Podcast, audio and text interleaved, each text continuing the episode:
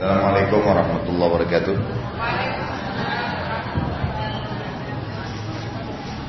Alhamdulillah Selalu kalimat ini kita ucapkan kepada Allah subhanahu wa ta'ala Satu-satunya Tuhan tidak ada sekutu baginya Dan juga kita memanjatkan salawat dan taslim kepada Nabi besar Muhammad sallallahu alaihi wasallam. Melanjutkan bahasan kita dalam kitab nikah dan babnya bab al-kafa'ati wal khiyar persamaan dan pilihan. Ya. Dan ini sudah saya luruskan kemarin memilih ya. Lebih tepatnya memilih. Kita lanjutkan hadis 1037 ya. Wanid Dahaki Wanid Dahaki bin Fairuz Ad-Dailami an Abi an Abihi radhiyallahu taala anhu qala qultu ya Rasulullah inni aslamtu wa tahti ukhtani. Rasulullah SAW talliq ayyatuhuma syi'ta Ahmad wal arba'atu illa nasai ibn Hibban wa darul qutni wal bayhaqi wa bukhari. Hadis ini sebelum saya terjemahkan Di dalam Islam ada bab poligami Bolehnya menikah dengan lebih dari satu wanita. Tetapi ada wanita tertentu yang tidak bisa digabung. Seperti misal antara tante sama ponakan, antara saudari sama saudarinya. Di zaman jahiliyah dulu mereka lakukan itu. Jadi di zaman sebelum datang Islam di Mekah, mereka kadang-kadang karena laki-laki ini punya kedudukan, punya kekayaan, punya kelebihan lah. Lalu kemudian dia menikah dengan seorang wanita, oleh mertuanya dianggap laki-laki ini berprestasi dinikahkan lagi sama adik istrinya. Maka dibawa naungan dia, ingat saya bilang ibu-ibu jangan bawa perasaan kau. Saya udah bilang, jangan bayangkan terjadi pada anda. Dari kemarin saya sudah Tenang, sabar. Saya udah bilang, dari kemarin saya bilang, bicara masalah kitab nikah, apa yang saya jelaskan, apa yang saya contohkan, jangan dibayangkan pada diri Anda. Sudah, ini ilmu. Ilmunya begini, kan itu. Dan saya sedang ceritakan bagaimana syariat menjelaskan. Eh, jadi jangan dibayangkan diri kita, apalagi ibu suka bawa perasaan. Ini memang di zaman jahiliyah seperti itu kejadiannya. Contoh satu adalah mertuanya kagum sama anak mantunya, maka dia nikahkan lagi anaknya yang satu sementara kakaknya sudah ada. Ini terjadi dulu di Mekah. Jangan bayangkan diri anda ini di Mekah dulu. Kemudian juga terjadi kasus yang lain di zaman jahiliyah ini aneh-aneh memang dulu ya. Jadi kalau ada satu laki-laki yang gagah, dia punya kelebihan ahli perang misalnya, atau kelebihan fisik, Seringkali seseorang itu menyuruh istrinya untuk bergaul sama laki-laki itu. Di zaman jahiliyah, emang begitu. Tapi banyaklah kasus-kasus zaman jahiliyah saya tidak bahas semua. Yang sedang saya titik beratkan hadis yang akan kita jelaskan. Di dalam Islam sekarang syariat datang bolehnya poligami, menikah dengan lebih dari satu wanita, tetapi ada wanita yang tidak boleh digabung gitu Itu adalah antara tante sama ponakan, antara saudari sama saudarinya. Hadis yang 1037 menjelaskan tentang ada kasus dulu seorang sahabat waktu masuk Islam ternyata dia punya dua orang istri yang dua ini bersaudari ya, saudara. Jadi dua orang bersaudara. Saya bacakan terjemahannya. Dahak bin Fayrus ad-Dailami berkata dari ayahnya radhiyallahu taala anhu Fayrus ad-Dailami ini salah satu sahabat Aku berkata wahai Rasulullah, aku telah masuk Islam, sedang aku mempunyai dua istri kakak beradik. Maka Rasulullah SAW bersabda, ceraikan salah seorang yang kamu kehendaki. Riwayat Ahmad dan Imam empat kecuali Nasai, hadis sahih menurut Ibnu Hibban, Darul Qutni dan Baihaqi, tapi menurut Bukhari ada maklulnya, ada sesuatu yang perlu ditanggapin. Saya bacain dulu footnote nomor dua. Bukhari menilai hadis ini berilat, artinya ada sesuatu yang perlu disorotin.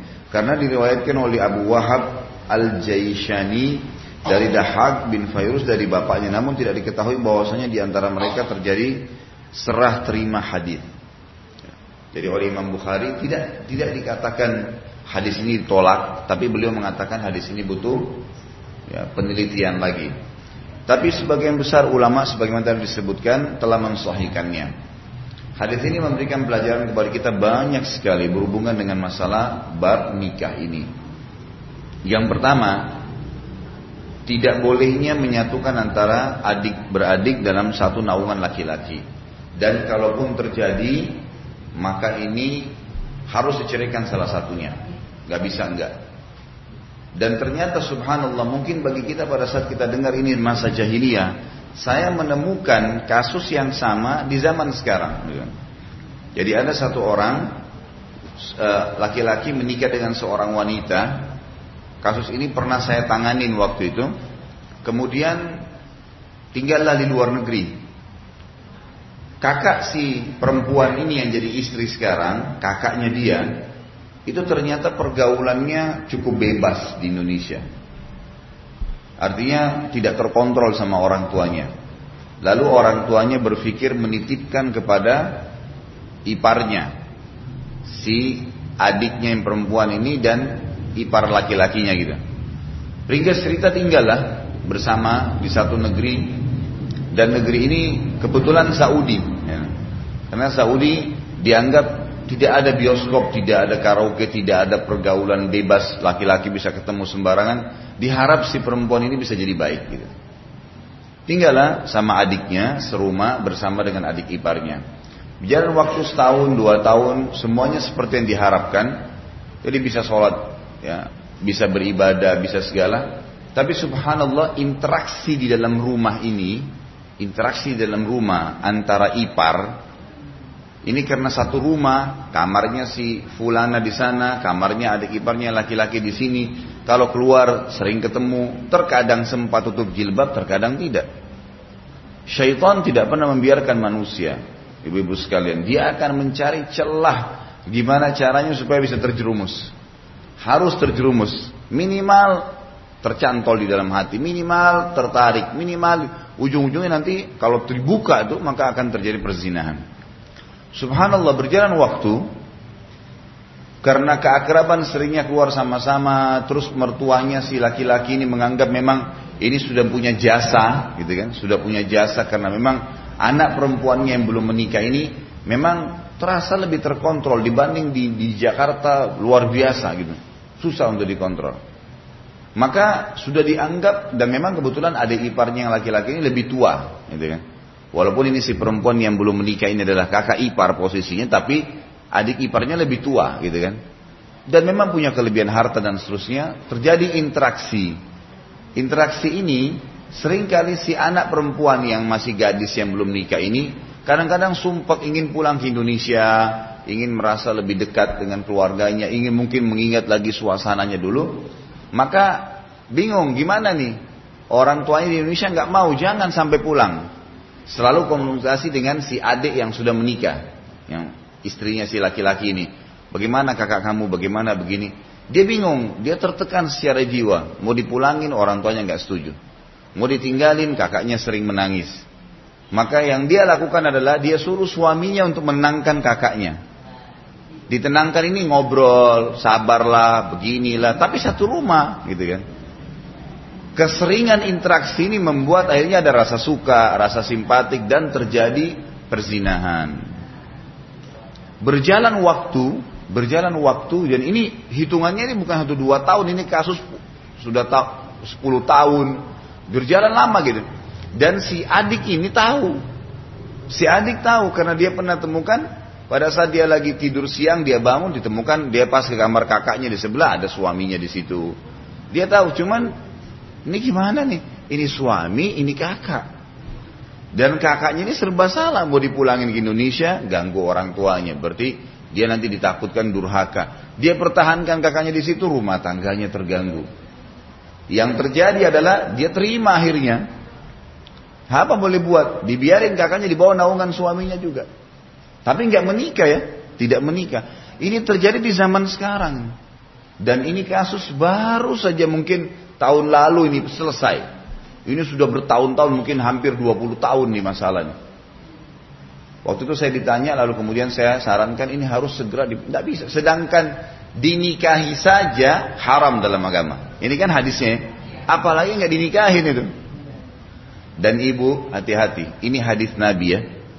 Jadi walaupun niat kita baik, pernah ditanya Nabi Alaihi Nabi SAW mengatakan tidak ada dua orang laki-laki dan perempuan kecuali yang ketiganya siapa?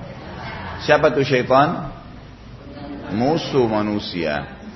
Dia akan berusaha membuat manusia salah. Dan Nabi SAW sudah ajar kita nggak boleh kasih celah syaitan. Ingat ada hadis yang berbunyi masalah makan. Kalau kalau kalian makan dan jatuh, bersihkanlah. Kalau masih bisa dibersihin ya mungkin makanan kering cuma kena sedikit debu lantai. Masih bisa dibersihkan, bersihkanlah dan makanlah dan jangan biarkan untuk syaitan. Bayangin tuh. Saking tidak bolehnya kita kasih celah, sisa makanan jatuh nggak boleh buat syaitan. Tentu ini ada bahasan sendiri ya. Kalau makanannya memang dasarnya basah, nggak mungkin itu dibuang. Mungkin jatuh di tempat yang najis dibuang gitu kan. Tapi kita harus paham ya. Semua yang najis, semua yang kotor, semua yang baik menurut pandangan syariat. Walaupun manusia semua mengatakan tidak. Jadi kalau Islam mengatakan, syariat kita mengatakan ini suci, ya suci. Mau dunia bilang enggak, kita nggak pusing. Agama kita bilang suci kok. Kalau agama kita bilang jorok, kotor, ya kotor, walaupun dunia bilang bersih. Kalau orang non muslim anggap maaf buang air besar, buang kecil nggak perlu pakai air, tetap najis dalam pandangan agama, kotor, jorok. Kalau mereka anggap jorok orang kalau makan ngisap jarinya, karena sunnahnya kalau ada sisa dimakan, tetap dalam agama kita itu bersih, gitu kan? Syariat yang menghukum. Karena kalau pakai kemauan manusia nggak bakal bisa selesai, gitu. Nah, kita kembali ke tadi. Nabi SAW pernah mengatakan kalau laki-laki dan perempuan berdua yang ketiganya syaitan artinya jangan sampai berdua nih kalau bukan mahram. Biar kita bilang iman saya kuat susah. Ini pasti ada yang ketiga syaitan. Dan syaitan ini bisikin sini, bisikin sini, bisikin sini. Ada saja celah.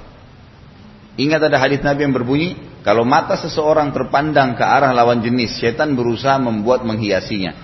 Lihat matanya, lihat alisnya, lihat bibirnya, lihat dadanya, sampai ada yang nyantol. Oh iya ya. Nah, kalau nyantol tuh dipegangin terus sama dia. Ya. Jadi Nabi SAW mengatakan apa? Yang ketiganya syaitan, gitu kan?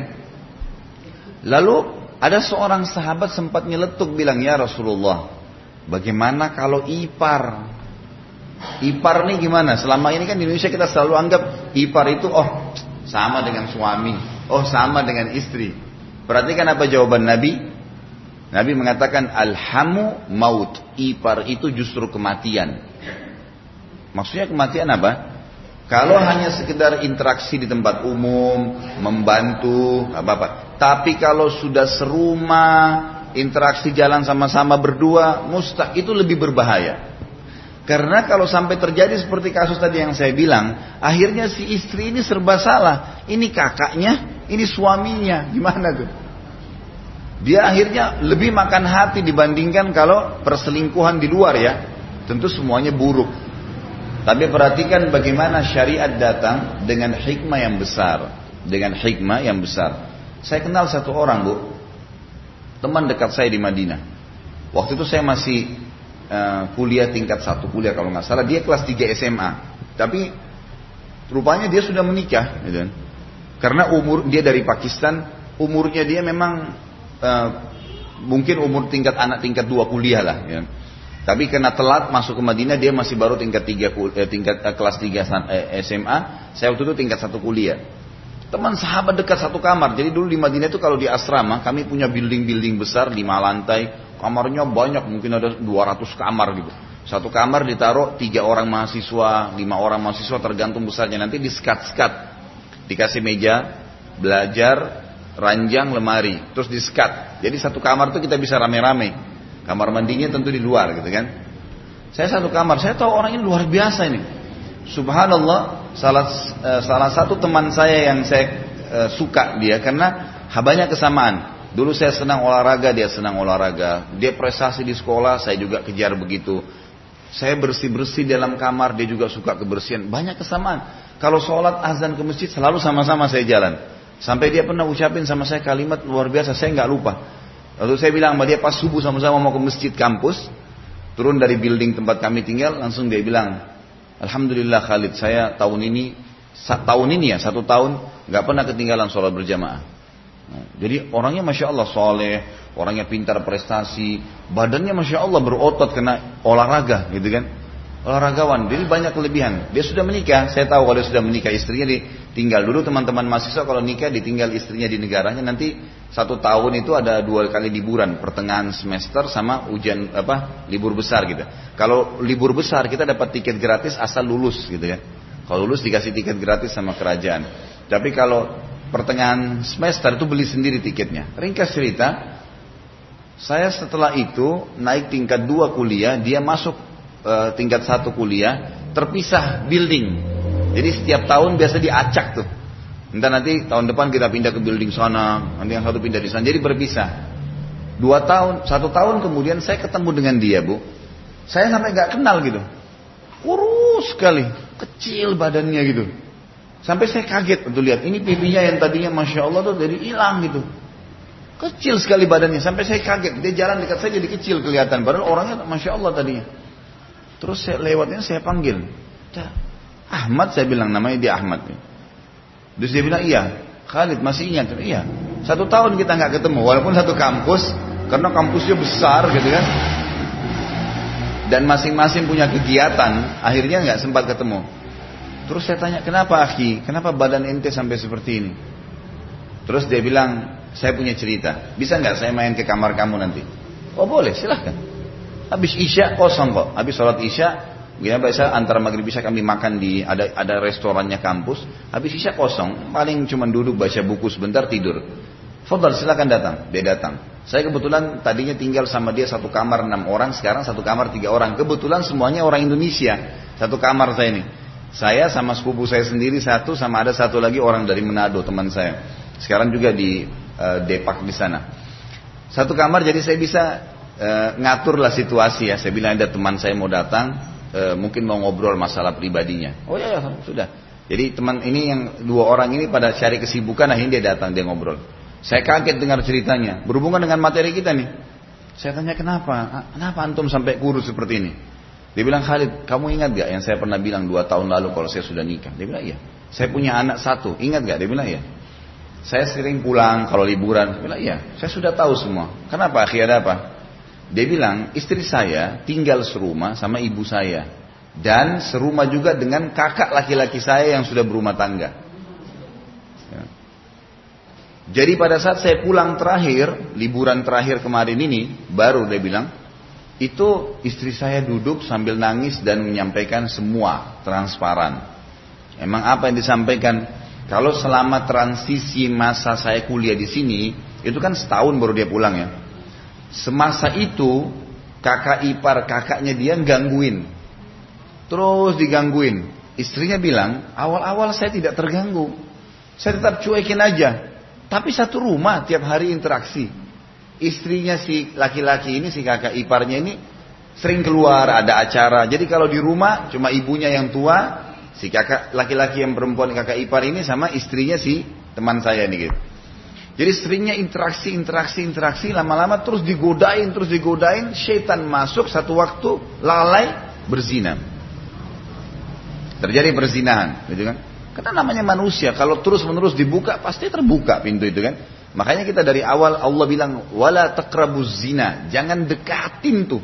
Jangan mulai SMS, jangan mulai telepon. Terbuka itu terbuka semua ke sana. Makanya cut dulu. Karena kalau tidak terbuka, manusia lemah, gitu kan? Tidak mungkin akhirnya terjadi dan istrinya merasa berdosa gitu kan dia merasa dia bilang dia sampaikan kepada suaminya waktu pulang sebenarnya kejadiannya begini coba bayangkan kalau di posisi laki-laki ini gimana sakit hatinya gitu tapi ini kakaknya ini istrinya gitu dia mau ceraikan dia cinta sama istrinya dia mau marah ini kakaknya mau diapain gitu.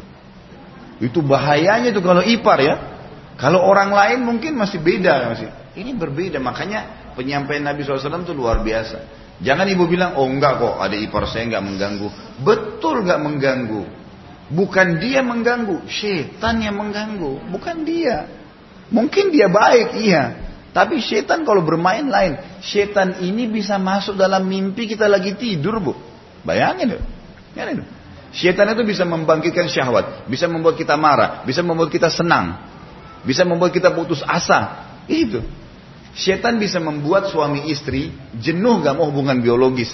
Syaitan bisa bangkitkan syahwat dengan orang lain yang bukan pasangan. Bisa dilakukan itu. Makanya ulama mengatakan orang mukmin harus jeli itu. Kapan dia jenuh dengan pasangannya, dia harus segera memperbaiki. Karena itu berarti sudah syaitan udah letakkan jaring-jaringnya yang menjaring dia nggak boleh.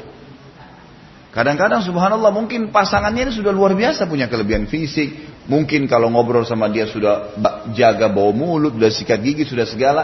Tapi setan buat dia jenuh. Pada saat dia berpacaran dengan orang, mungkin pacarnya nggak sikat gigi pun mau ciuman, gitu kan? Setan buat itu indah, ini enggak gitu. Jadi luar biasa was-was syaitan itu harus hati-hati gitu kan. Nah ini berhubungan dengan bahasan tadi. Kasus kasuistik ipar itu berbahaya kalau serumah. Ya. Bahkan pernah saya bahas di awal-awal kitab nikah, kalau seseorang sudah menikah, mungkin insya Allah di sini umumnya begitu ya. Tapi kalau kalau anak-anak kita menikah, ibu punya pun kemampuan rumah, saya pernah berikan masukan awal. Jangankan kita bicara masalah ipar, dengan mertua saja dianjurkan ulama tidak serumah, nggak serumah. Berikan kebebasan dia bangun rumah tangganya, jangan campur. Apa pun yang dia lakukan selama baik-baik. Kalau tidak enggak. Karena pasti ibu punya keinginan nata bunga di sini. Pengen masak ini hari ini. Anak mantunya mau nata bunga di situ. Ibu warna oranye, dia suka warna ungu. Bentrok. Sama-sama bawa perasaan. Ini perempuan bawanya perasaan jadi susah. Kalau laki-laki lain tuh. Laki-laki dia mau parkir mobil sini, sudah terlanjur parkir istrinya di sebelah, ya sudahlah parkir sini. Kalau ibu enggak, dari tadi pagi niat mau parkir sini, suaminya parkir, kenapa parkir sini? Saya kan mau parkir. Lain perasaan yang bermain. Gak bisa, makanya jangan serumah, biarin. Walaupun anak kita ya, kalau anak kita perempuan, yang jadi masalah suaminya ada di situ bersama dengan ayah mertuanya. Mungkin kalau ada yang harmonis satu dua orang ya lama-lama susah gitu. Ada kasus yang mengagetkan saya kemarin, saya belum pernah dengar gitu. Tapi ini nyata. Sampai ibu itu semoga Allah selamatkan dari masalahnya. Dia WhatsApp ke saya itu sampai kayak orang yang menggambarkan kalau dia itu sedih dan menangis. Dia tinggal serumah dengan ipar-iparnya. Menurut bahasa dia rumahnya besar, tapi saya nggak tanya dia di kota di mana, kota mana ya. Rumahnya besar dan tinggal serumah dengan mertua laki-lakinya. Mertua perempuan sudah meninggal. Dia bilang, pada saat seluruhnya berhasil, jadi dia, dari bahasa dia ini, di antara anak mantu itu, yang paling muda ya dia ini, gitu kan. Dan rupanya mertuanya ini sudah lama menduda, suka sama dia. Tenang, jangan bawa perasaan. Kasusnya orang lain, saya sudah bilang kalau saya bicara di sini ambil pelajar. Tidak usah bayangin Budina. Jadi ini mau dilanjutin gak nih? Habis jangan dibawa perasaan, sepakat dulu. Sampai mana tadi itu?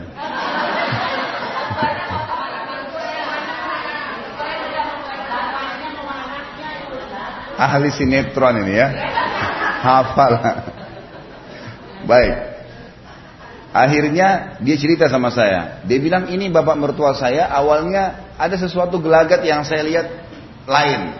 Bukan seperti umumnya orang tua yang memang menyayangi anaknya gitu.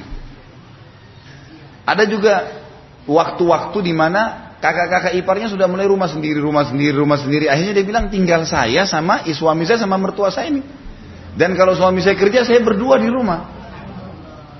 Dan mertua saya ini selalu ngajak yang aneh-aneh gitu.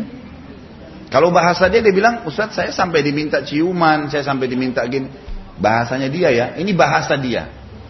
Akhirnya kira-kira apa yang saya harus lakukan? Saya sudah bilang, saya bilang sampaikan ke suaminya bu, apa adanya. Saya udah sampein Ustaz, suami saya nggak percaya. Suami saya bilang, mungkin ayah bercanda sama kamu. Dia bilang akhirnya, saya setelah ikutin ceramahnya Ustaz terus di TV, di kamar saya saya kunci kalau suami saya pergi kerja saya cuma nonton ceramah. Tapi lama-lama jenuh juga. Saya minta pindah rumah, suami saya belum mau, masih mau tinggal kesian ayah sendiri. Apa yang harus dilakukan nih gitu. Tapi terjadi tuh, bayangkan ya. Sama mertua. Jadi banyak ini setan masuk. Bab zina Bab zina itu ada lima tingkatan. Bab zina ada lima tingkatan. Tingkatan yang paling sederhana sekali, tapi dosanya besar.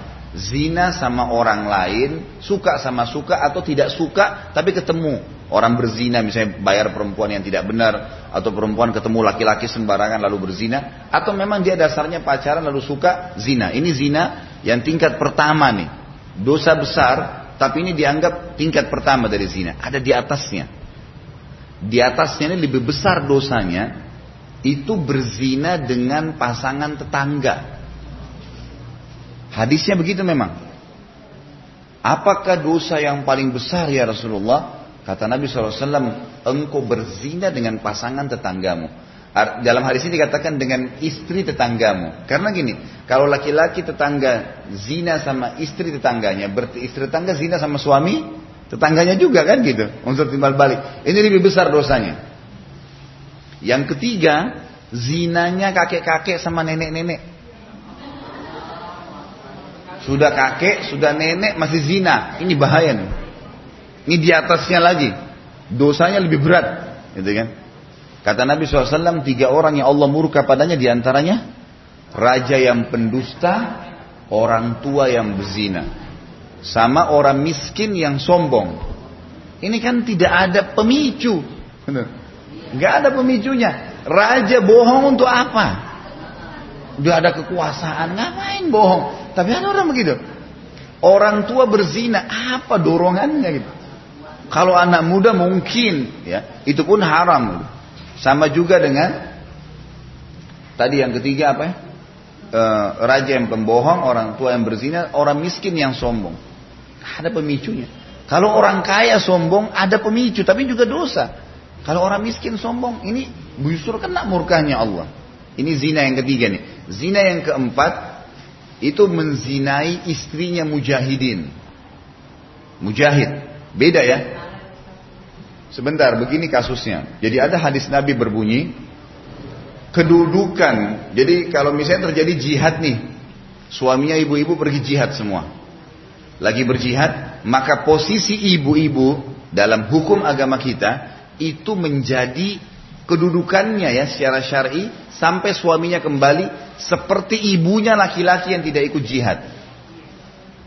Seperti kasus kita dengan istri-istri Nabi.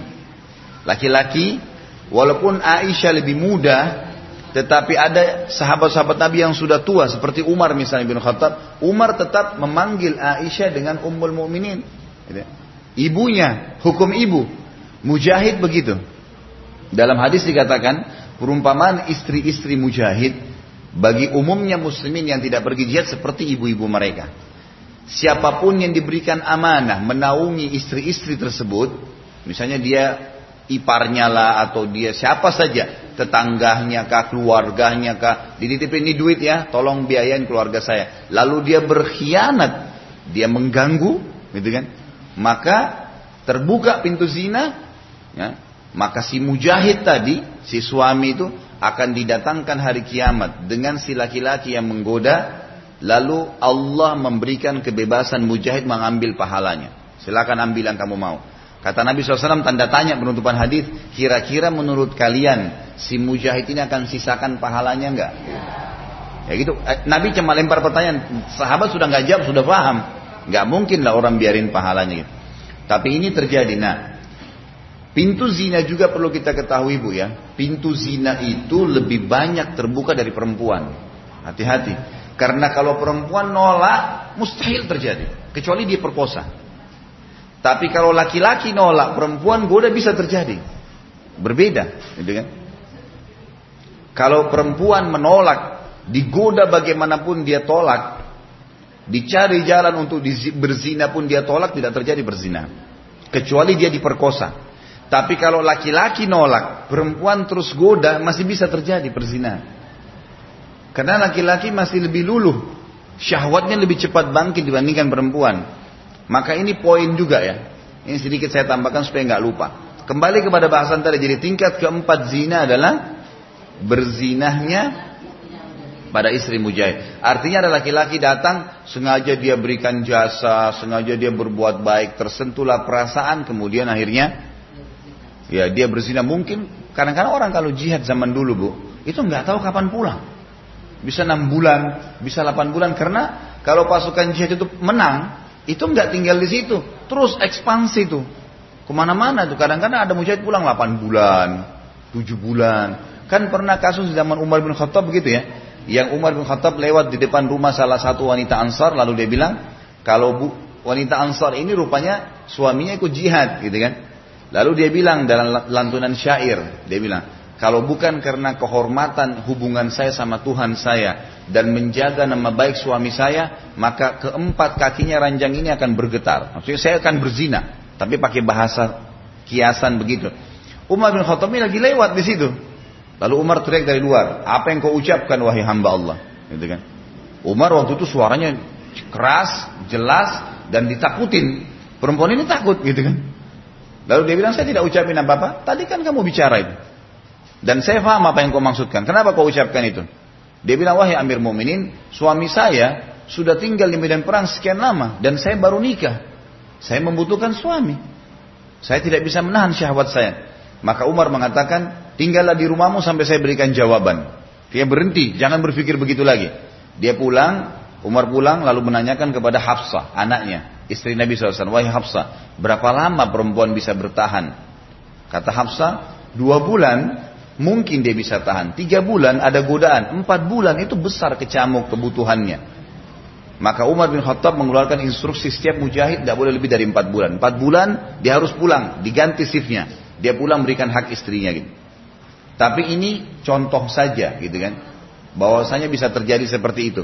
Nah biasanya waktu sebelum keluar instruksi Umar ini, mujahid itu kalau pergi lama sampai satu tahun, ada yang dua tahun nggak pulang gitu.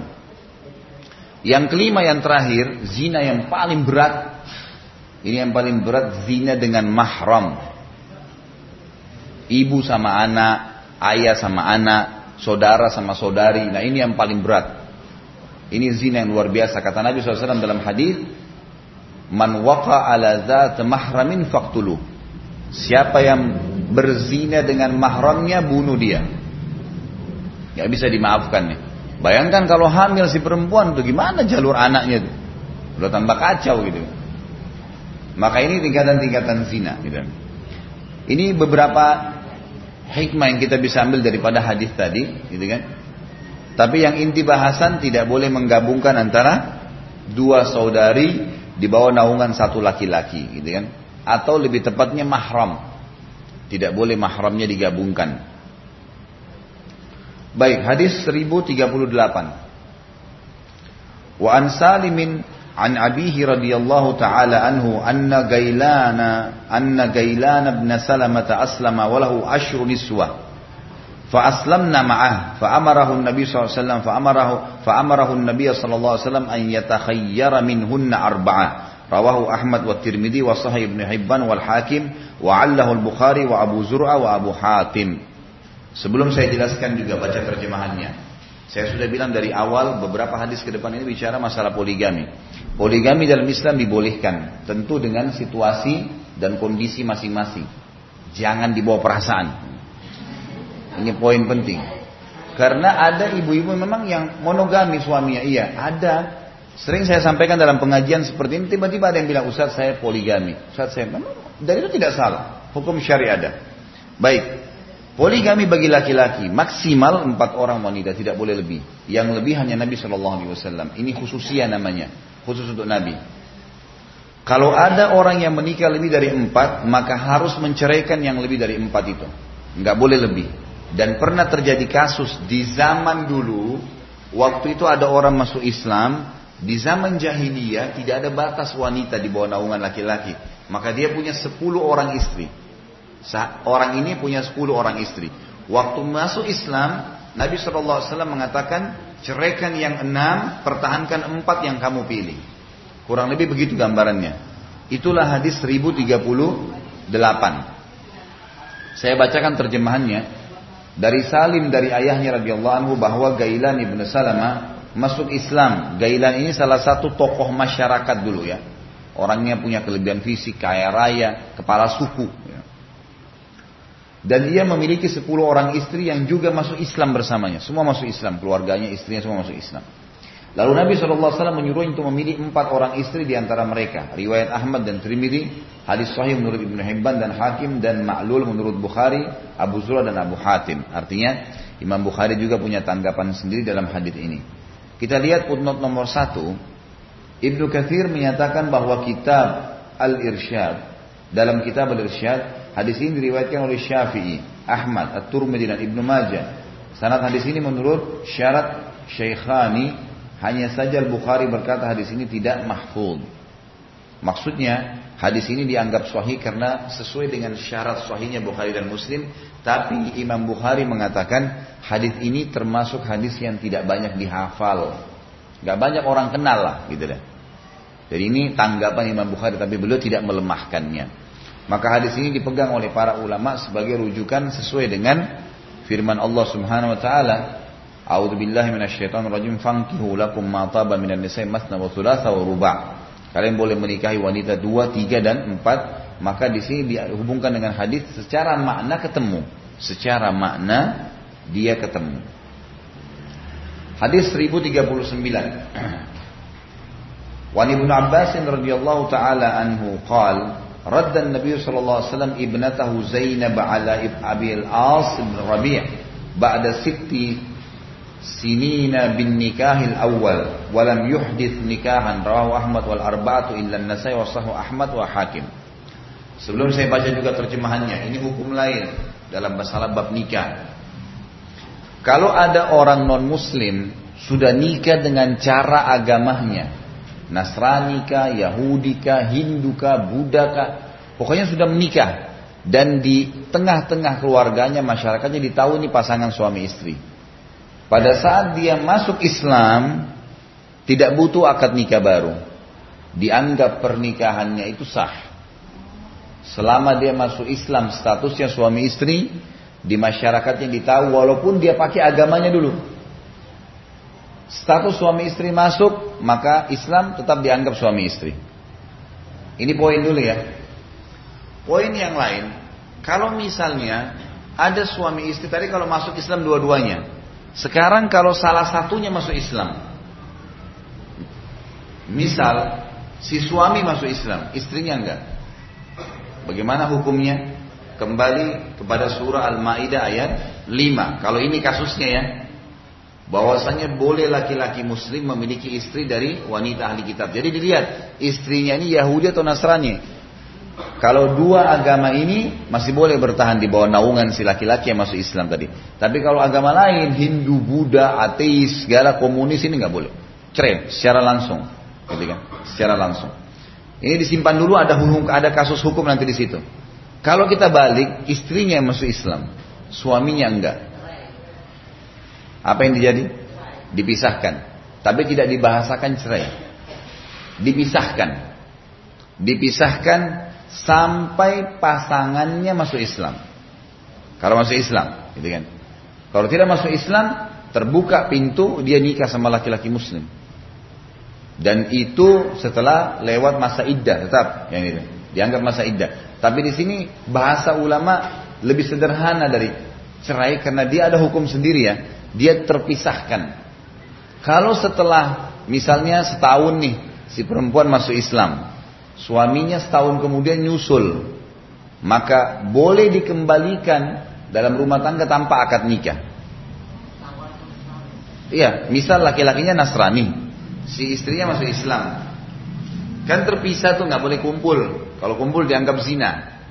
Setahun kemudian si laki-laki itu masuk Islam dapat hidayah. Kumpul langsung jadi suami istri. Nggak, nggak, nggak pakai akad nikah lagi. Karena tetap hukumnya hukum asal tadi. Dianggap pernikahan awalnya sah. Dia dipisahkan karena hukum syari nggak boleh wanita muslimah di bawah naungan laki-laki kafir kan gitu. Sama kasus tadi kalau si laki-laki, si laki-laki tadi kalau dia naungin si istrinya dalam keadaan Nasrani boleh saja. Kalau dan ini boleh walaupun tidak akad nikah. Kalau dia masuk Islam maka jauh lebih baik lagi, kan gitu. Nah ini kasusnya diambil daripada hukum anaknya Nabi Shallallahu Alaihi Wasallam namanya Zainab. Ya. Itu lain, lain, kasus lain lagi. Kalau memang dia tidak mau, tapi kan begini, biasanya orang e, kalau dia tidak suka sama suaminya, dia bukan cerai karena masuk Islam, ya. Kan? Dia bukan bisa ini kan kalau terpisah karena masuk Islam, karena hukum agama mengharuskan mereka pisah, gitu kan? Seperti kasus Zainab sama Bil As, mereka saling suka.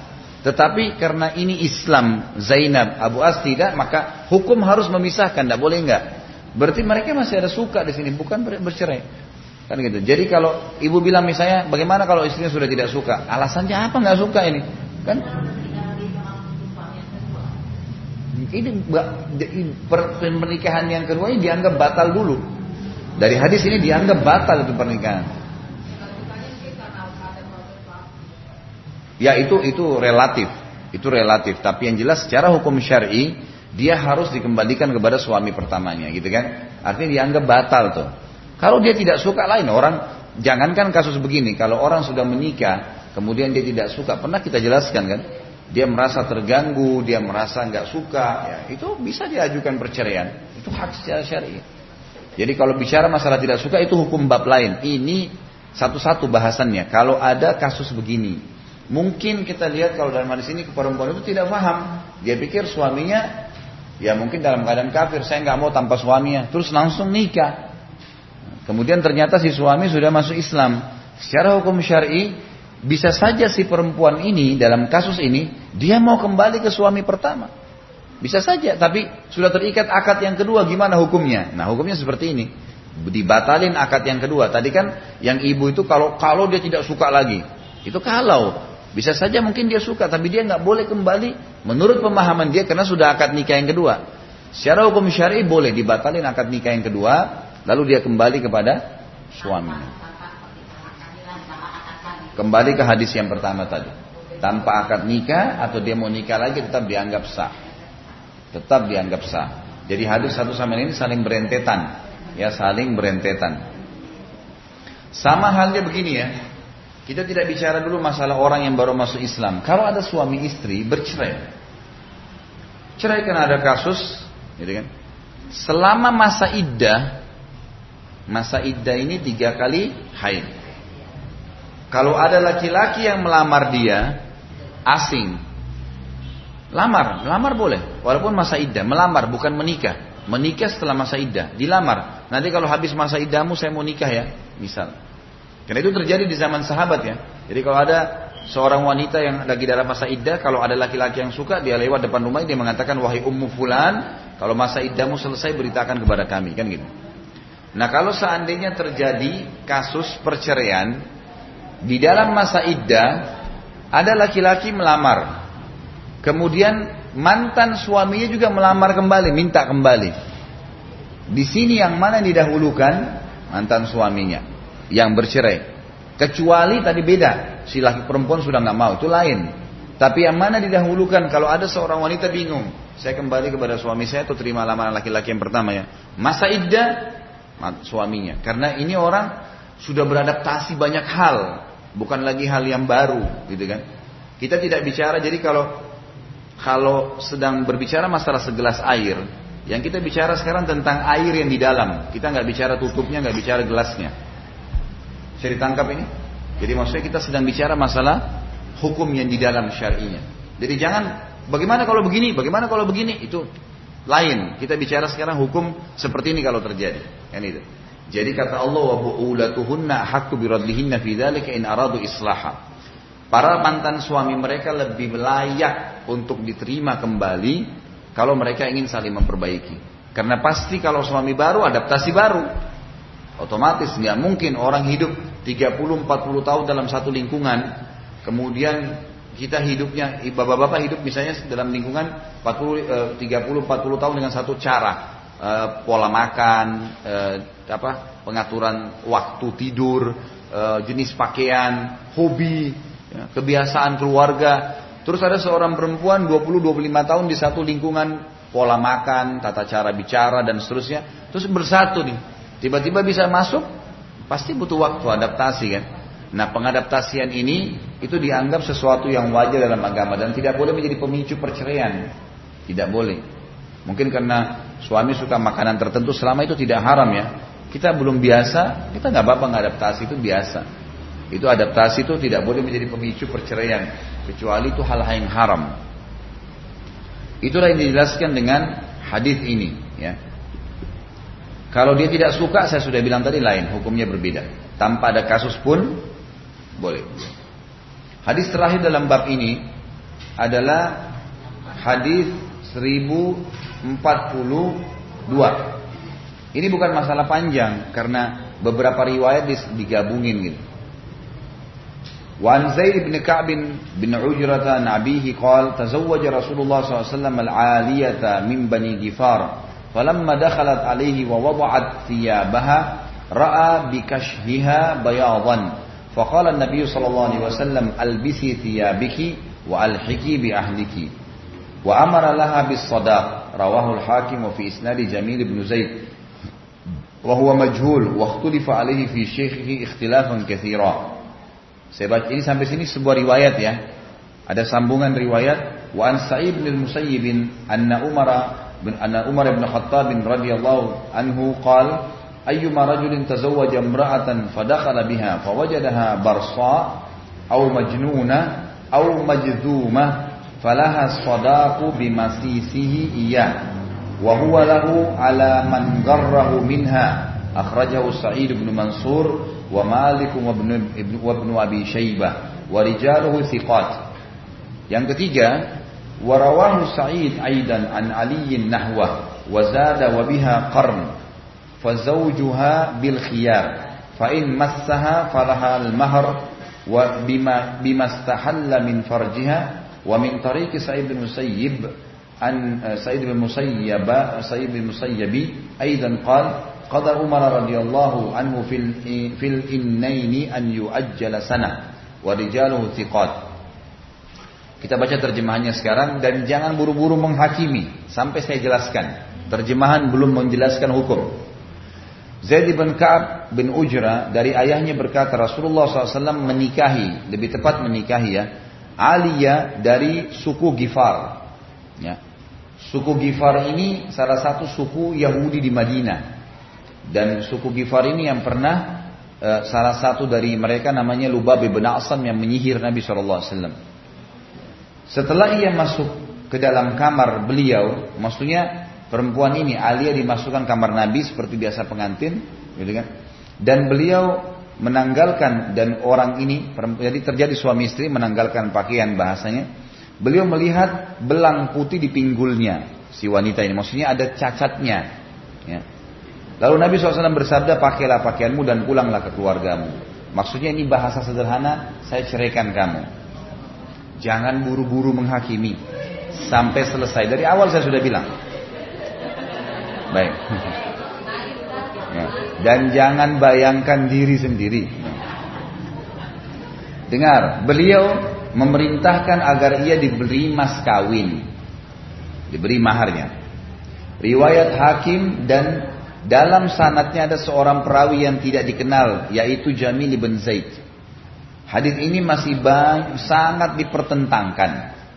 Sampai sini kasih garis miring ya. Ini selesai satu riwayat. Mestinya di sini ini di, dikebawain nih riwayat yang kedua. Tapi ini kayak sekalian sambung. Jadi kasih aja garis dua miring ya. Sekarang riwayat yang kedua. Sekali lagi jangan buru-buru menghakimi. Ya.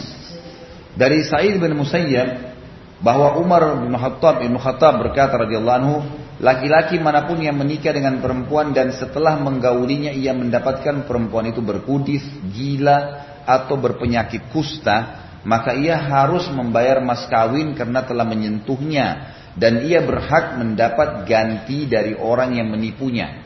Maksudnya orang yang e, menjadi perantara nikah aja sama ini nih. Nah ini orangnya begini begini. Ternyata nggak seperti yang dibahasakan, gitu kan? Tenang, sabar, sabar. Riwayat yang ketiga. Hmm. Saya maklum kan tamu baru datang. Hmm. Yang ketiga, riwayat Sa'id bin Mansur, Malik dan Ibnu Abi Syaibah dengan perawi yang dapat dipercaya. Maksudnya hadis yang kedua ini dapat dipegangi karena hadisnya sahih. Kalau yang pertama tadi kan masih dipertentangkan. Yang ketiga, Riwayat Said bin Musayyib, Mansur, Malik dan Ibnu Abi Syaibah dengan perawi yang dapat dipercaya. Said juga, ini riwayat yang ketiga, meriwayatkan hadis serupa dari Ali bin Abi Thalib radhiyallahu dengan tambahan dan kemaluannya ini salah bahasanya nih. Jadi sebenarnya dalam bahasa Arab begini, sebentar, supaya lebih jelas, jangan ada salah paham. Dan jangan paham pakai perasaan, pakai otak. Nih lihat, Perhatikan bahasa Arabnya. Kembali ke bahasa Arabnya dulu, lembaran sebelah. Kembali ke bahasa Arabnya. Lihat satu dua tiga empat baris dari bawah. Di situ dikatakan, perhatikan, wazada, sudah lihat belum? Ada bahasa Arab, wazada, wabiha qarn. Wabiha qarn. Qarn ini memang di dalam bahasa Arab artinya tanduk. Biasanya kalau domba bertanduk dikatakan domba yang berkarn. Jadi ada tanduknya ya. Nah istilah tanduk ini digunakan pada segala sesuatu yang menonjol dari tubuh seseorang yang tidak normal. Nah, yang lebih tepat, yang lebih tepat biasanya yang dibahasakan karn itu mungkin di bagian kepalanya ada benjolan yang tidak normal. Nah, itu. Pertama, yang kedua atau ada benjolan-benjolan di leher, di punggung yang berbentuk seperti tanduk, tidak normal, gitu kan? Sehingga membuat pemandangan yang tidak baik. Tetapi terjemahan tentang kemaluan ini tidak tepat. Makanya dicoret. Jangan dibayangkan. Allah alam kalau ada ya, saya nggak tahu nih. Baik. Jadi dicoret tuh. Maka kata dia dalam riwayat ini suaminya boleh menentukan pilihan.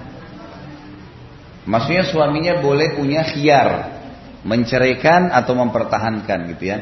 Jika dia telah menyentuhnya, dia sempat menyentuhnya, maka ia wajib membayar mas kawin kepadanya untuk menghalalkan kehormatannya. Maksudnya, karena dia sudah terlanjur menggaulinya, ternyata baru dia tahu setelah itu, gitu kan? maka dia harus tetap membayar mas kawin, dikasih mas kawinnya karena sudah menggauli kehormatannya, maksudnya kesucian kemaluannya sudah ya disentuh gitu. Dari jalan Said bin Musayyab juga ia berkata, Umarah menetapkan Umar, jadi sini bukan Umar ya, Umar. Paragraf terakhir tuh. Dan dari jalan Said bin Musayyib juga ia berkata Umar, Umar bin Khattab ya hanya dihapus. Menetapkan bahwa orang yang mati kemaluannya maksudnya impoten hendaklah ditunda tidak dicerai, tidak bercerai hingga setahun. Perawi-perawinya dapat dipercaya. Kita lihat footnote nomor satu dulu. Ini masih baru baca terjemahan, kita belum pelajari hukumnya nanti. Zahabi menjelaskan dalam kitab Mizan al-I'tidal bahwa Ibnu Ma'in berkata, ia tidak sikot dan Al Bukhari mengatakan hadisnya tidak sahih. Sebentar bu. Poin nomor satu tentang riwayat yang pertama. Riwayat pertama tadi bahwasanya Nabi SAW pernah menikahi seorang wanita, tuh kan? Lalu kena Nabi lihat ada warna putih di punggungnya lalu diceraikan. Riwayat ini ditolak secara jelas oleh Imam Bukhari. Dianggap riwayat ini tidak sahih, nggak ada. Kemudian ini yang tadi jelasnya namanya uh, Jamil bin Zaid yang tadi itu perawi itu yang dibilang orang ini majhul, orang ini nggak jelas. Siapa orang ini nggak jelas? Iya. Nah. Baik, B Ibnu Qayyim menyatakan dalam Zadul Ma'ad kias kias itu memberikan pemahaman hukum dari sisi yang lain. Jadi kalau ada satu hukum tidak terlalu jelas, maka diberikan gambaran kiasnya namanya. Dicari dalil yang lain yang bisa menjadi tolok ukur. Kias menunjukkan bahwa setiap cacat pada salah satu pihak yang menjadikan pihak lain menjauhinya sehingga rasa cinta dan kasih sayang di antara mereka tidak terwujud adalah mewajibkan adanya khiar. Artinya dari hadis-hadis ini dilihat bukan cuma laki-laki, perempuan pun sama. Pada saat ternyata dia setelah suami istri akad nikah otomatis mereka membuka pakaian baru ketahuan hal-hal yang memang membuat dia tidak suka nanti akan mengganggu kehidupannya ke depan secara fisik maka di sini dua-dua punya khiar bukan cuma si laki-laki si perempuannya pun punya khiar gitu kan Dia boleh mengajukan perceraian. Bahkan hal ini lebih utama dibandingkan khiyar dalam jual beli. Ini harus diprioritaskan karena ini daripada jual beli. Jual beli kan pernah kita pelajari itu ada bab khiyar ya. Kata Nabi SAW dua pembeli dan penjual masih dalam khiyar. Masih boleh membatalkan atau mengiyakan transaksi selama belum berpisah. Kalau udah pisah udah nggak boleh, gitu kan? Nah ini berarti ada khiyar tuh, ada pilihan dalam bab jual beli. Kata beliau, kata Ibnu Qayyim, ini khiar untuk menentukan tetap berjalan rumah tangga atau tidak lebih penting daripada khiar transaksi jual beli. Sebagaimana halnya memenuhi persyaratan dalam nikah itu lebih utama daripada dalam jual beli. Jadi akad nikah itu lebih besar hukumnya dan lebih agung di mata Allah daripada akad jual beli. Saya beli, saya sudah, itu kan saya batalin. Itu tidak bisa dengan dengan ini uh, uh, apa akad nikah itu lebih berat karena untuk membatalkan pun ada perceraian, ada ada proses gitu kan. Ini menurut Ibnu Qayyim. yang ketiga, qam adalah sejenis gigi yang terdapat dalam faraj hingga menghalangi jima dan ia disebutkan juga dengan iflah. C ini khusus menjelaskan tadi kalau menurut ya penulis buku memang ada jenis kemaluan wanita yang di dalamnya ada tulang yang membuat tidak bisa laki-laki menggaulinya. Ini dinamakan karn. Ada istilah saya tidak tahu ya ini seperti apa. Makanya saya tidak terlalu mendetail menjelaskan. Tapi dalam buku ini di dalam kehidupan masyarakat waktu itu ada jenis perempuan yang seperti ini, gitu kan? Ada jenis perempuan seperti ini. Dan memang di zaman dulu itu apalagi di zaman jahiliyah mereka mempelajari secara detail kelebihan laki-laki dan kelebihan perempuan. Kalau kita kembali kepada syair-syair zaman jahiliyah dulu tuh jorok sekali itu. Kan? Luar biasa mereka itu menceritakan bagaimana perempuannya menggambarkan laki-laki dari rambut sampai ujung kaki. Sampai mereka menceritakan segala macam jenis bentuk kulit, bentuk rambut, eh, bentuk kuping, hidung, gigi, lidah, semuanya kemaluan, apa telapak kaki, semua itu, gitu kan? Jadi mereka mendetailkan itu. Dan itu memang sesuai dengan pengalaman karena mereka kan bisa gonta-ganti pasangan dan orang-orang jahiliyah dulu di Mekah itu mereka kalau bergaul sama orang itu bukan cuma bergaul biasa. Sampai orang-orang Arab dulu punya e, pengalaman dia bisa mengetahui perempuan ini gadis atau tidak dari bekas kakinya. Jadi kalau bekas telapak kakinya dia jalan di padang pasir, itu dia bisa mereka bisa tahu oh ini masih perawan atau enggak dari pijakan kakinya itu. Memang begitu dulunya ya, dan itu ada. Sama halnya juga laki-lakinya pada saat menggambarkan tentang perempuan itu detail sekali. Bentuk rambut yang keriting, yang panjang, yang pendek, yang kulitnya begini, yang begini, yang macam-macam. Dan mereka bisa mengetahui dari ciri fisik orang ini punya kelebihan biologis atau tidak, orang ini lemah syahwat atau kuat syahwatnya. Mereka bisa tahu dari cara jalannya sampai sedetail itu gitu.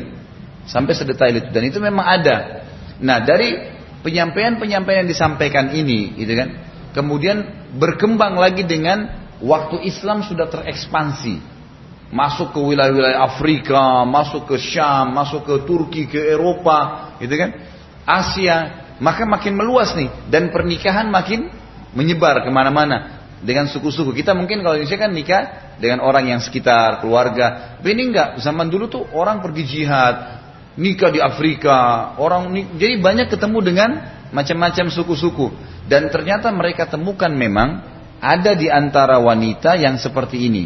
Diistilahkan dengan karen tulang yang ada di dalam kemaluan yang menghalangi kemaluan laki-laki untuk bisa menggaulinya. Jadi namanya karen, gitu kan? Allahu alam ini seperti apa tapi yang jelas ini menjelaskan masalah riwayat tadi. Baik. Kita sekarang masuk kepada syarahnya, penjelasannya. Hadis pertama sudah jelas ditolak oleh para ulama. Artinya memang kalau dalam buku-buku yang menyebutkan tentang istri-istri Nabi, Aliyah ini nggak pernah disebutin. Jadi Nabi SAW hanya menikah dengan wanita Yahudi satu saja. Siapa itu? Sofia. Hanya Sofia saja. Yang lain istri Nabi itu dari Jazirah Arab. Jadi orang turunan Arab. Yang lainnya. Ya, kecuali Maria Kipti juga ya, ada orang Mesir. Tapi umumnya itu dari turunan Arab. Yang orang Yahudi cuma satu. Itulah Sofia dari suku Nazir namanya. Itu tinggal di Khaybar dulu ya. Itu jadi Ummul Mukminin. Tapi Aliyah ini dari suku Gifari ini nggak pernah disebutin. nggak pernah disebutin. Maka ini berarti memang hadisnya lemah, tidak dipakai karena tidak jelas siapa tadi perawi hadisnya. Berarti ini tidak benar, gitu Riwayat kedua oleh penulis didatangkan tentang statement Umar, tapi riwayatnya sahih tentang apa yang Umar ketahui radhiyallahu anhu dari Nabi Shallallahu Alaihi Wasallam, bagaimana hukumnya kalau orang menikah kemudian dia tidak tahu. Jadi ada beberapa faktor penyebab ya. Yang pertama, zaman dulu di beberapa suku-suku Arab aib sekali kalau dia harus lihat istrinya sebelum nikah. Maksudnya Ya apa adanya, ini anaknya namanya ini. Lewat mungkin sepintas sudah itu, nikah. Jadi nanti kalau dia nikah dia nggak tahu apa ini, ini perempuan bagaimana wajahnya, bagaimana keadaannya itu terjadi. Dan sebagian suku Arab sampai hari ini masih ada yang begitu. Tentu ini salah ya, salah, tidak boleh secara agama. Karena Nabi SAW menyuruh melihat wajah dan telapak tangan, gitu. Jadi ini tidak boleh, tapi ini terjadi. Ini salah satu faktor kenapa Umar bin Khattab mengatakan hukumnya kalau ada orang menikah ternyata dia dapatkan bukan atau ada hal-hal yang dia tidak suka dan hal yang tidak suka ini dalam arti kata memang menonjol sekali ya akan mengganggu dia. Tadi dibahasakan kusta gitu kan. Atau ada hal-hal yang parah ya, yang parah. Maka itu jelas ya tidak diboleh. Itu itu dia punya hak khiar. Dia boleh bertahan atau dia cerai. Ini riwayat yang kedua. Riwayat yang ketiga menjelaskan kepada kita dalam riwayat Ali tentang sampai detail kalau sampai masalah kemaluan. Ulama hadis menjelaskan kalau memang ternyata ada masalah di kemaluan, baik itu kalau laki-laki mungkin tidak bisa memenuhi kebutuhan istrinya eh, atau istrinya memang memiliki syahwat yang lemah sekali, gitu kan? Suaminya mungkin butuh tapi dia nggak bisa layanin, gitu kan? Namanya tidak bisa dia tidak punya keinginan uh, uh, uh, memang tidak bisa memenuhi laki-laki dan perempuan, maka di sini dia juga dia dia punya khiar. Dia punya hak untuk itu. Jadi selain memang cacat fisik juga tidak bisanya memenuhi kebutuhan biologis karena biologis adalah 50% rumah tangga, gitu kan? Kata Nabi SAW, siapa yang telah menikah dia telah menyelamatkan setengah agamanya. Tinggal dia bertakwa kepada Allah di setengah yang tersisa. Karena kalau sudah nikah dan dia lampiaskan hubungan biologisnya pada saat dia puas insya Allah godaan dari luar itu akan jadi kecil buat dia. Beda kalau tidak terpenuhi, maka akan terganggu di luar gitu kan. Jadi seperti itu gambarannya. Ini juga diambil daripada riwayat yang kedua atau ketiga di sini ya. Dan ini riwayat ketiga dengan riwayat kedua dua-duanya sahih.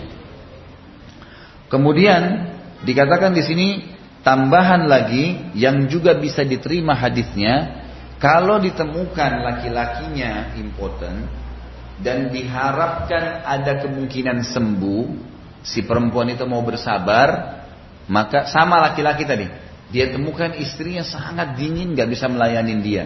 Sementara dia sendiri mungkin punya kebutuhan yang mendesak. Maka dianjurkan oleh Umar tidak bercerai sampai setahun. Artinya dalam setahun ini kata sebagian ahli hadis dianjurkan untuk berobat, berikan kesempatan, gitu kan?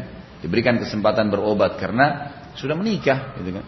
Kan tidak mungkin orang mudah menyandang status janda atau duda gitu. Pasti orang akan bertanya-tanya kenapa? Bagaimanapun kita jelaskan alasan kita yang bisa menangkap yang orang terdekat, orang jauh nggak bisa tangkap. Dia cuma tahu oh sudah duda, oh sudah janda. Orang langsung nilai negatif aja. Kecuali pasangannya meninggal. Tapi kalau pasangan masih hidup kan orang bisa nilai buruk. Makanya Umar radhiyallahu anhu ingin mencegah penilaian itu maka cara yang terbaik adalah memberikan kesempatan berobat selama setahun. Kalau nggak bisa baru bisa cerai. Masuk dalam hukum ini kalau ada perempuan yang menikah sama laki-laki yang tadinya baik, maksudnya bisa memenuhi dia, sama dengan perempuan juga ya, menikah sama laki-laki dan perempuan sama hukumnya. Berjalan waktu, kena penyakit yang sangat parah, Misal stroke seluruh badannya. Nggak bisa memenuhi biologis. Mungkin baru nikah setahun, enam bulan, mungkin dua tahun. Sementara pasangannya ini masih sehat, butuh sesuatu. Di sini punya khiar juga. Punya khiar. Boleh bertahan mencari surga di situ atau memang dia cerai. Kalau perempuan jelas harus cerai kan gitu, karena tidak ada poliandri. Tapi kalau si laki-laki masih punya khiar yang lain, dia boleh pertahankan istrinya yang ada masalah, kemudian dia menikah dengan wanita yang lain, gitu kan? Ini pernah ada ada kasus begitu. Ada salah satu orang yang pernah bertanya kepada saya hukumnya. Jadi si laki-laki ini normal, sehat, saya tahu betul orangnya, masya Allah, fisiknya bagus, gitu kan? Istrinya juga bisa mengimbangi dia, tapi selama ini dirahasiakan sama dia. Jadi tidak tahu perempuan ini punya penyakit apa, gitu kan? Terpaksa hanya dia bahasakan ke saya. Tentu ini tidak gibah karena kita kasus hukum dan tidak menyebut nama ya. Jadi dia bilang, akhirnya dia bilang sama saya, bagaimana hukumnya sekarang? Saya mau ceraikan istri saya, tapi saya sayang sama dia, nggak bisa, saya suka sama dia. Tapi kalau saya tidak ceraikan, saya setiap kali menggauli dia hubungan biologis, pokoknya kemaluan saya di kemaluan dia pasti saya setelah itu sakit. Langsung sakit, otomatis langsung sakit. Sakitnya tuh lemas badannya, tiba-tiba flu berat. Terjadi. Allah alam apakah ini kasus sihir atau memang penyakit, tapi itu terjadi. Gitu kan? Apa itu terjadi? Maka di sini kasusnya pada saat dia tanya kepada saya, saya bagaimana? Ceraikan istri atau saya nikah lagi? Saya bilang nikah lagi. Libatkan istri antum menikah. Bilang sampaikan. Karena memang istrinya ini sudah bilang, saya nggak bisa apa-apa lagi. Ini sudah begini masalah yang penyakitnya. Kamu mau nikah lagi silahkan. Dan dia tidak bilang kalau ceraikan saya. Berarti istrinya juga berharap bisa bertahan sama dia. Maka saya coba memberikan kepada dia jalan keluar, gitu kan? Jalan keluar yang terbaik adalah tetap bertahan dengan dia ya menikah lagi. Tentu ini kasus yang terjadi di lapangan ya, kasus yang terjadi di lapangan. Jadi insya Allah jangan terbawa perasaan. Itu yang laki itu. Tamu, tamu. Ini tamu baru datang. Baik, sekarang insya Allah kita akan masuk. Ini nanti yang ke depan ibu-ibu paling senang nih babnya. Bab Ushratun Nisa. Adab tata kerama menggauli istri. Itu ada banyak hadis-hadisnya, gitu kan? Tapi juga sama. Jangan dibayangkan. Ini ada bab sendiri. Baik, sampai sini ada yang mau bertanya? Dari hadis yang kita bahas tadi ada yang mau bertanya? Ada yang menghadapi kasus yang sama nggak? Nggak ada. Kasus ini bisa saja tadi ya, misalnya ada kerabatnya yang mualaf atau kasus suami istri yang satunya Nasrani, yang satunya Muslimah dan seterusnya gitu. Nggak ada. Alhamdulillah kalau gitu. Baik. Hah? Baik, silakan. Kembali ke hukum tadi, pisah. Sampai dia masuk lagi Islam dan orang yang murtad itu punya kesempatan sampai sama dengan cerai tiga kali.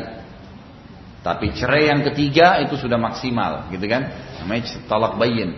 Dia masuk Islam, dia murtad. Dia masuk Islam, dia murtad. Yang ketiga terakhir kesempatan. Kalau udah yang ketiga sudah nggak diterima lagi.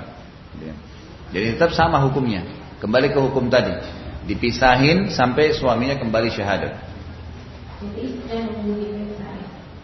Dia, dia, jadi kalau tadi saya bilang, kalau dilihat suaminya ini ada kemungkinan kembali ke Islam, itu kan? Mungkin karena kasus sihir, karena sekarang ada banyak kristenisasi yang sedang berkembang di Indonesia ini, mereka menyebarkan Kristen dengan sihir. Ada. Jadi banyak sekali kasus begitu. Jadi dia misalnya seorang laki-laki Nasrani menyihir perempuan muslimah, apalagi kalau dia punya kedudukan anak kiai atau anak ustadz, kemudian uh, suka sama dia akhirnya murtad, gitu kan? Itu banyak terjadi. Nah ini berarti ada kasus sihir bisa ditanganin nih, ya, bisa ditanganin. Ya, kalau kalau memang sudah tidak ada lagi uh, tidak ada lagi tidak ada lagi jalan ya, ya tadinya muslim dan muslimah lalu si muslimah disihir sehingga dia cerai sama suami muslimnya lalu dia di, mau dinikahi sama perempuan atau laki-laki Nasrani. Jadi lihat kasusnya kalau si perempuan ini memang kasusnya atau si laki-laki sama laki-laki tadi dia murtad dari Islam. Lihat kasusnya kalau memang dia hanya kena faktor sihir tadi kan gitu. Ini berarti masih mungkin di rukia diobatin sembuh. Tapi kalau memang dasarnya dia benci Islam, ya sudah. Berarti tidak mungkin lagi dia masuk Islam kembali Selesai masa iddah si wanita tadi boleh nikah. Ada lagi? Ya. Pakai mic bu. Nggak boleh. Pemberkatan itu nggak sah dalam Islam dan kalau si laki-laki lakukan ya dia berdosa, gitu kan? Tapi kalau ditanya pernikahan dia yang pakai cara Islam itu sah, asal istrinya ahli kitab, Yahudi atau Nasrani, gitu kan? Cuma ini hukum syar'i yang membolehkan tetapi kalau kita tanya aulawiyah namanya sesuatu yang lebih layak, lebih pantas dia nikah sama muslimah. Saya kemarin ditanya dari Amerika sama salah satu jemaah, Ustaz saya mau nikah laki-laki, saya mau nikah dengan seorang wanita Amerika tapi masih tetap mau bertahan dengan agamanya. Apa saran Ustaz? Agamanya Kristen. Yang pertama saya sarankan adalah Bapak jangan nikahi. Cari wanita muslimah. Karena rentetan hukumnya juga banyak nanti. Artinya saya pernah jelasin ya di bab nikah kita ingat kalau kita nikah jangankan nikah dengan agama yang berbeda begini. Nikah beda suku, kemarin saya jelasin. Beda cuaca, beda jenis makanan aja itu butuh ekstra. Bisa tapi ekstra energi, ekstra waktu. Oh, ekstra semua, ekstra perasaan. Apalagi kalau orang non muslim gitu kan saya bilang itu butuh nanti ekstra penyesuaian waktu Kemudian yang berbahaya adalah pada saat Anda sudah punya anak. Kalau punya anak ini berbahaya sekali. Karena kalau punya anak bisa ikut ayah, bisa ikut ibu nih. Konsekuensi hukum lagi berat di situ kan. Jadi rentetannya banyak. Sementara muslimah banyak. Kenapa harus menikah sama dia? Kalau hanya karena kasus suka, harus kita tahu ya. Suka ini luas sekali dan bisa muncul dari interaksi, gitu kan? Orang interaksi bisa Kenapa enggak? Jadi jangan dibatasi dengan satu suka itu saja gitu. Selama memang itu benar, positif, pasangan halal kita, agama membolehkan ya silahkan. Kita lampiasin semua di situ. Tapi kalau enggak, kita harus punya cadangan memang mengetahui suka itu bisa muncul dari interaksi. Artinya dia kalau katakan saya sudah terlanjur suka sama perempuan ini, dia bisa suka wanita yang lain kok. Tapi dengan cara interaksi. Dia nikah secara syariat tidak interaksi, cari yang baik akhlaknya. Insya Allah bisa gitu. Ya. Saya nggak dengar. Kalau dia gunakan cara Islam sah. Kalau yang cara Islamnya. Kalau masalah cara Nasrani nggak dihitung dalam agama kita. Nggak itu itu kekeliruan, nggak boleh dalam Islam nggak ada. Ya. Ada lagi? Ini selalu sayap kiri saya adem ayem, masya Allah. Sudah tahu sudah ngerti ngerti sekali, atau menghayal sekali atau merenungi sekali ya bisa saja semuanya. Tapi nggak apa-apa, jangan tersinggung bu ya. Saya cuma bercanda. Baik, mudah-mudahan bermanfaat insya Allah apa yang kita bahas hari ini dan semoga Allah Subhanahu wa taala menerima seluruh amal yang pernah kita kerjakan, seluruh dosa kita diganti menjadi pahala olehnya dan seluruh juga sisa umur kita yang masih ada diberkati sehingga semuanya berisi dengan amal soleh dan juga hidup kita ditutup dengan khatimah seluruh muslimin di Palestina, di Syria, di Yaman, di Irak, di Myanmar, di mana pun mereka berada, Allah berikan kemuliaan dan kemenangan, serta Allah ya, menangkan Islam di tangan mereka dan Allah partisipasikan kita dalam pahala bersama mereka baik dengan doa, jiwa dan juga harta kita. Dan semoga Allah dengan kemahamurahannya menyatukan kita semua di surga Firdaus tanpa hisab sebagaimana Allah satukan kita di majlis ilmu yang mulia ini. Tentu kalau ada benar di Allah, kalau ada saya mohon dimaafkan. Subhanakallah wa bihamdika asyhadu an la ilaha illa anta astaghfiruka wa atubu ilaik. Wassalamualaikum warahmatullahi wabarakatuh.